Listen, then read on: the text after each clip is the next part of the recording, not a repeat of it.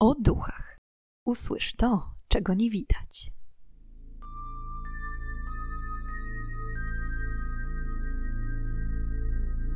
Witam i pytam, czego dusza pragnie.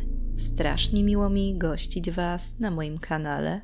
W ubiegłym tygodniu zapytałam Was, co sądzicie o odcinku na temat prawdziwych wilkołaków. I wielu z Was odniosło się do tego pomysłu pozytywnie. Dlatego też za tydzień opowiem Wam więcej na ich temat. A tymczasem w dzisiejszym odcinku ponownie przedstawię historię zaproponowaną przez Was. Mianowicie przybliżymy sobie nieco legendarną postać, jaką jest krwawa Mary.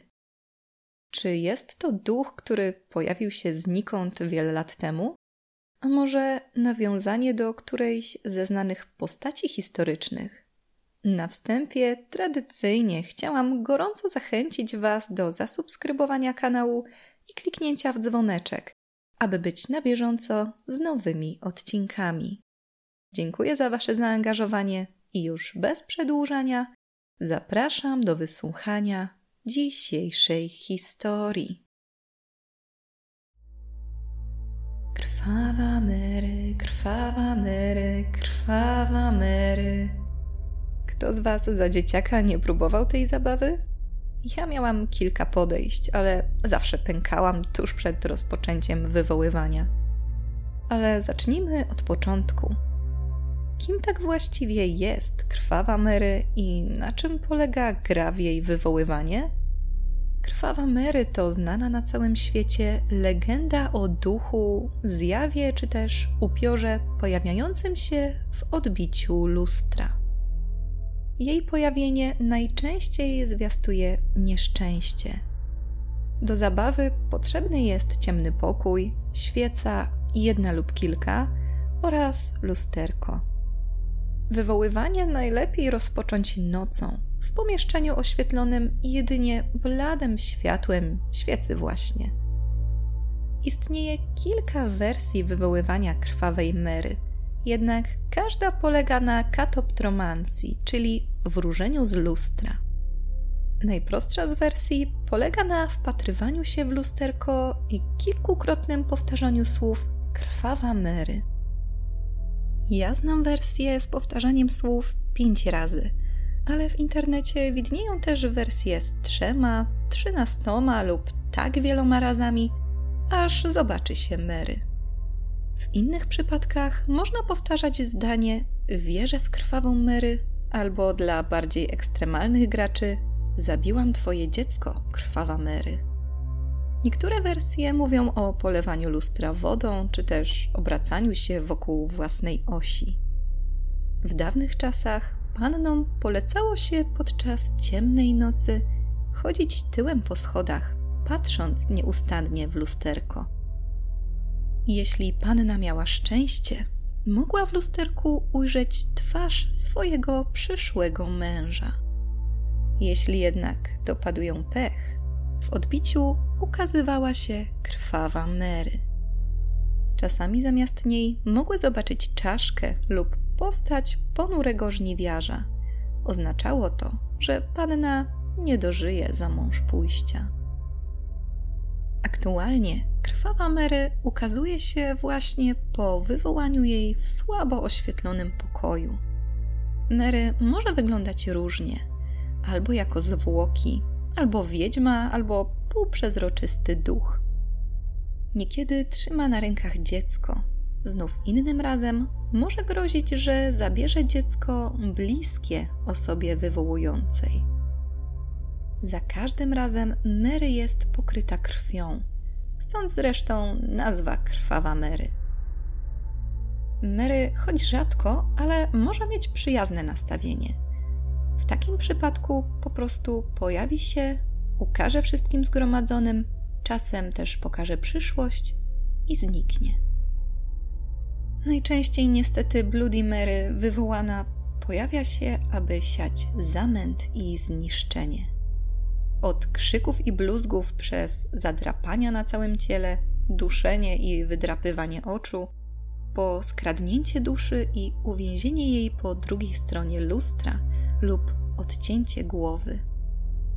Z innych niebezpieczeństw istnieje także poplamienie krwią lustra przez Mary, osiwienie osoby wywołującej Mary lub też wieczne nawiedzanie i dręczenie przez ducha Mary. W ekstremalnych przypadkach osoba wywołująca ducha może zniknąć bez śladu. Aby uchronić się przed złowrogo nastawioną krwawą Mary, można próbować natychmiast zapalić światło, zasłonić wszystkie lustra w domu, a nawet założyć specjalny pierścień solny. Wraz z biegiem kolejnych lat krwawa Mary zaczęła być różnie nazywana przez osoby ją wywołujące.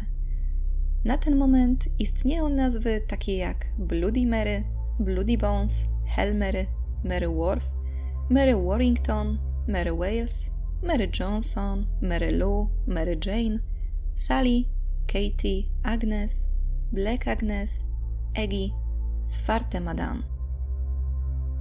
Krwawą Mary wywołuje jedna osoba w przypadku, kiedy jest w domu sama. Kiedy znów znajduje się w grupie osób, to albo jedna wybrana przez resztę osoba jako przewodnik, albo wszyscy zgromadzeni zaczynają wywoływać ducha Mary. Skąd właściwie wzięła się legenda o krwawej Mary? Historycy zaczęli zastanawiać się nad tym bardzo intensywnie w latach 70. ubiegłego wieku.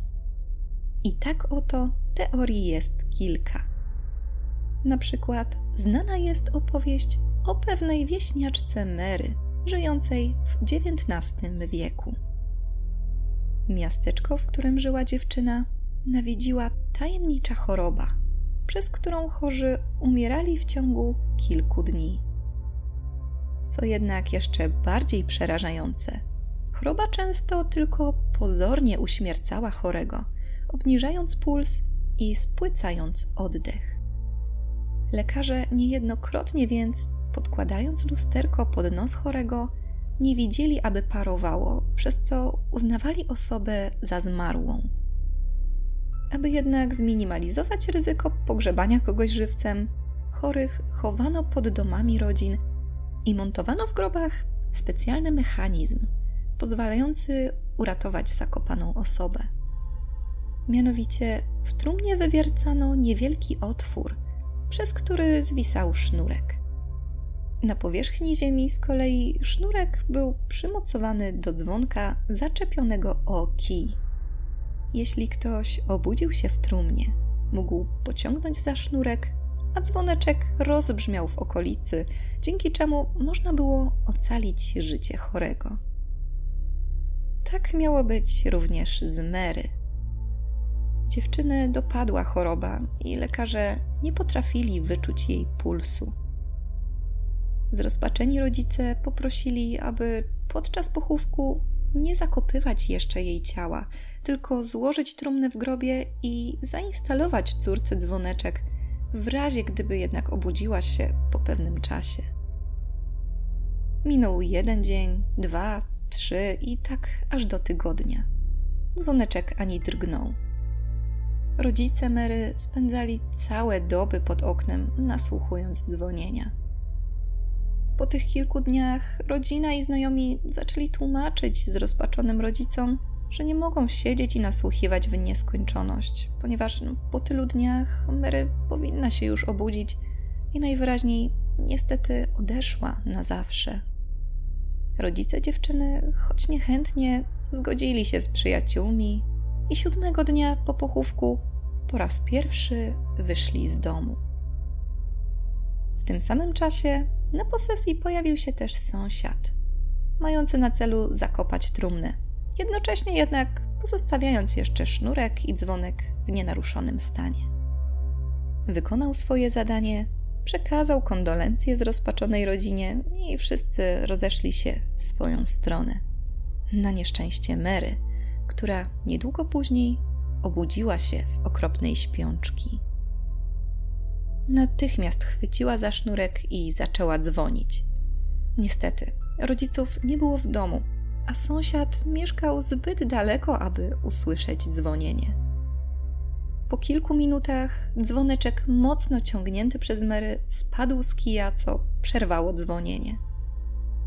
Zrozpaczona i spanikowana dziewczyna zaczęła więc drapać w wieko trumny z nadzieją, że się uwolni. Jednak na nic się to zdało. Młoda kobieta się udusiła.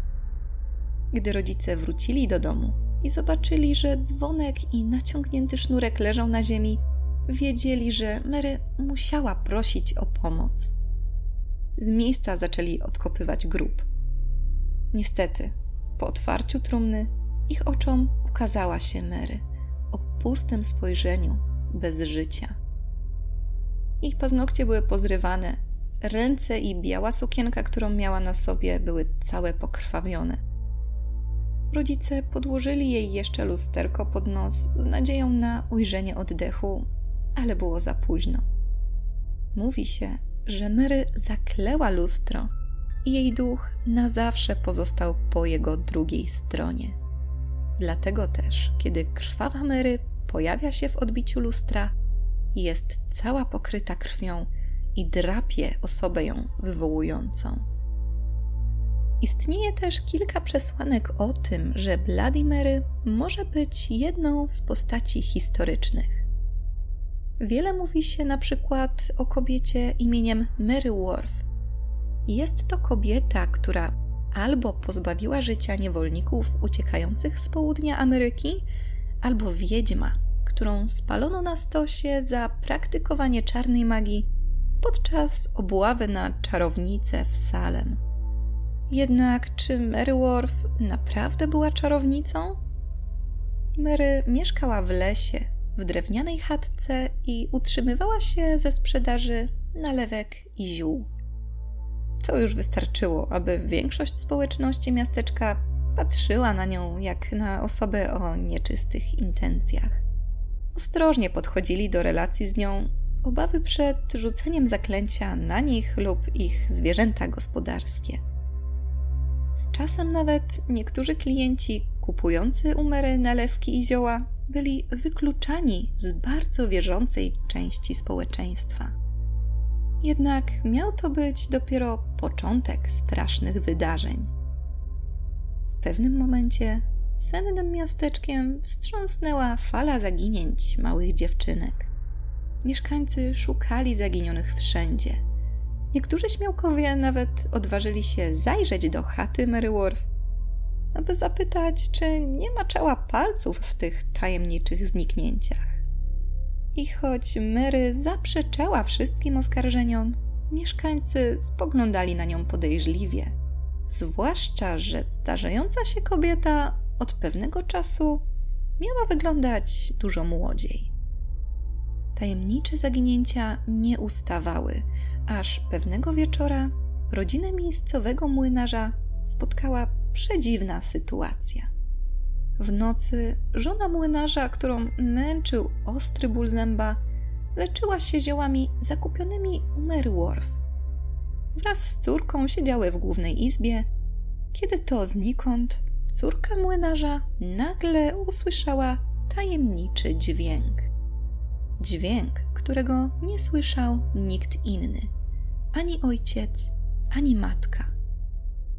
Dziewczynka czuła, że przedziwny dźwięk wzywa ją do siebie, jednocześnie uwalniając ogromną, niewidzialną siłę, która pcha ją z domu w kierunku lasu. Żona młynarza zaczęła krzyczeć do męża, aby gonił córkę i sprowadził ją z powrotem do domu. Nadaremno. Dziewczynka była niezwykle szybka. W tym samym czasie grupka wieśniaków idących wzdłuż lasu zauważyła w niewielkiej odległości od siebie bardzo jasne światło. Gdy zbliżyli się nieco, ich oczom ukazała się Mary Worth, wymachująca różdżką w stronę domu młynarza. Kiedy tylko spostrzegła, że mieszkańcy są świadkami jej czarów, schowała różdżkę i rzuciła się do ucieczki.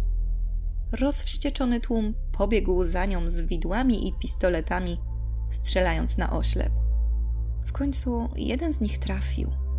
Mary dostała w biodro i ucieczka szybko się zakończyła. Mieszkańcy rzucili się na nią, a tak kopiąc i gryząc, odgrażała się i przeklinała każdego z nich po kolei. Mężczyźni szybko przywiązali wiedźmę do ogromnego drewnianego kołka i rozpalili pod nią ognisko. Gdy Mary Worf płonęła, miała rzucać zaklęcia na mieszkańców i przeklinać ich. Powiedziała, że jeśli ktokolwiek odważy się wymówić jej imię patrząc w lustro, jej duch wróci, aby dokonać zemsty. Gdy mieszkańcy pozbyli się złej wiedźmy, tajemnicze zaginięcia ustały. Po niedługim czasie wyruszyli też do jej leśnej chatki na ponowne, tym razem dużo dokładniejsze przeszukanie. Dzięki temu rodzice w końcu odnaleźli swoje zaginione dzieci. Niestety, wszystkie wrzucone do jednej zbiorowej mogiły. Wtedy mieszkańcy mieli już pewność, że wiedźma, aby się odmłodzić, uprowadzała młodocianych, a następnie piła ich krew. Do dziś, w związku z klątwą, Mary Worf straszy każdego, kto wypowie jej imię przed lustrem. Inną teorią wyjaśniającą pochodzenie krwawej Mary jest postać Marii I Tudor. W latach 1553-1558 była królową Anglii i dość szybko zyskała przydomek krwawej Mary. Córka Henryka VIII i Katarzyny Aragońskiej bowiem spaliła na stosie blisko 300 osób oskarżonych o herezję. Maria I Tudor urodziła się 18 lutego 1516 roku w Greenwich w Anglii w pałacu Placentia. Była jedynym dzieckiem króla i królowej, przez co zresztą, kiedy Maria skończyła 17 lat, ojciec unieważnił ślub z jej matką, jako powód podając niemożność spłodzenia męskiego potomka.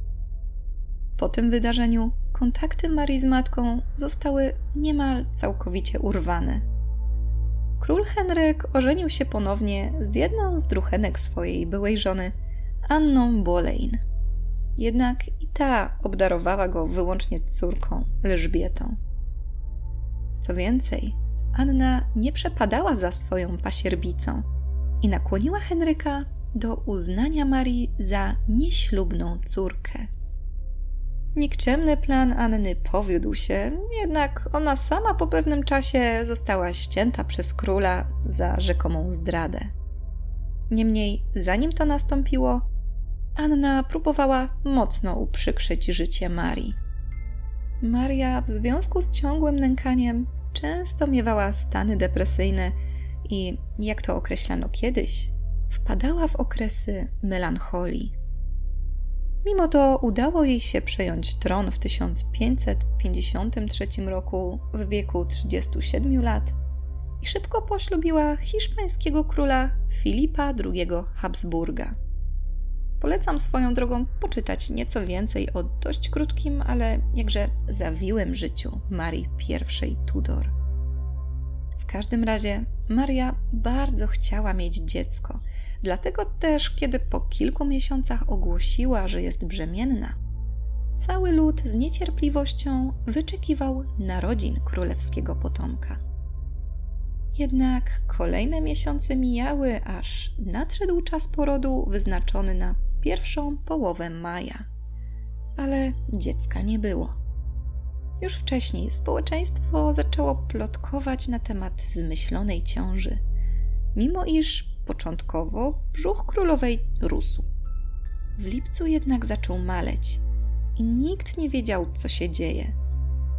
Zirytowana i podłamana królowa była przekonana, że oto spadła na nią kara boska. Jeszcze kilkukrotnie Maria cierpiała na urojoną ciążę i za każdym razem próbowała przekonać siebie oraz innych, że naprawdę nosi pod sercem dziecko. Raz za razem jednak dziecka nie rodziła.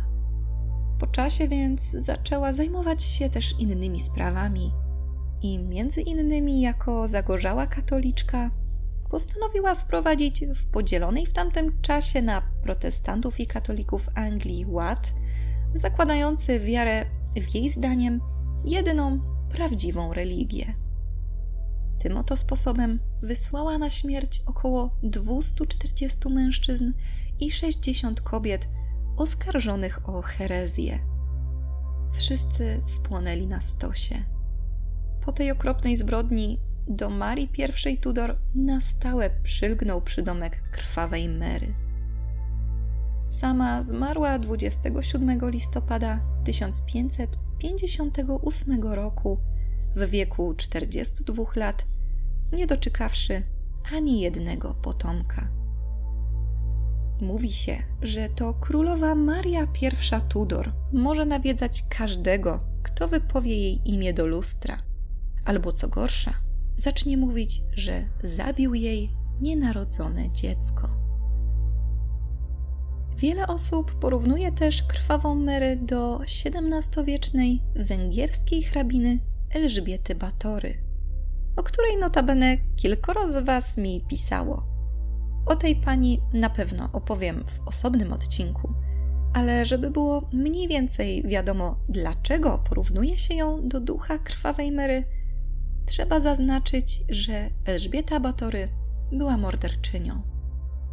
Źródła podają, że hrabina, znana również pod pseudonimem Królowa Krwi, torturowała i finalnie pozbawiła życia około 650 młodych dziewcząt. Następnie kąpała się w ich krwi, aby zachować wieczną młodość. Z czasem hrabina została oskarżona o wampiryzm, ale o niej opowiem więcej w osobnym odcinku. Z tego, co jeszcze udało mi się wyczytać, to to, że japońska legenda o Hanako-san, duchu nawiedzającym szkolne toalety, mocno nawiązuje do postaci krwawej Mary. W tym przypadku jednak, aby wywołać ducha, należy, będąc w budynku szkolnym, iść do toalety znajdującej się na trzecim piętrze i stanąć przy trzeciej kabinie. Następnie trzy razy zadać pytanie: Hanako-san, czy jesteś tam? Jeśli duch się pojawi, powinien odpowiedzieć: Jestem tutaj. Wtedy też, jeśli osoba wywołująca ducha odważy się wejść do kabiny, powinna spotkać małą dziewczynkę w czerwonej spódnicy. Kim jest Hanako-san? Niektóre źródła głoszą, że jest to dziewczynka zabita podczas II wojny światowej. Inne znów piszą, że Hanako została zamordowana albo przez jednego ze swoich rodziców, albo przez nieznajomego napastnika. Podsumowując, postać krwawej Mary rozpowszechniona jest niemal na całym świecie jako jeden z najbardziej znanych duchów pojawiających się w ciemności. O jej pochodzeniu mówi się wiele, ale prawdopodobnie nigdy nie dowiemy się, skąd tak naprawdę wzięła się legenda. Są to wszystkie informacje, jakie udało mi się znaleźć na temat tej przerażającej, pokrwawionej kobiety. Jeśli wy kiedykolwiek wywoływaliście ducha krwawej Mary i znacie jakieś inne sposoby, o których dziś nie wspomniałam, dajcie znać o nich w komentarzu. Chciałam również pozdrowić użytkownika Ultimate Punisher, który zaproponował temat dzisiejszego odcinka. Z okazji świąt zorganizowałam Wam taki mały koncert życzeń, a co mi tam. Dziękuję Wam za dziś i już teraz zapraszam Was na kolejny odcinek podcastu o duchach, w którym ponownie zadamy pytanie, czego tym razem dusza zapragnie. Do usłyszenia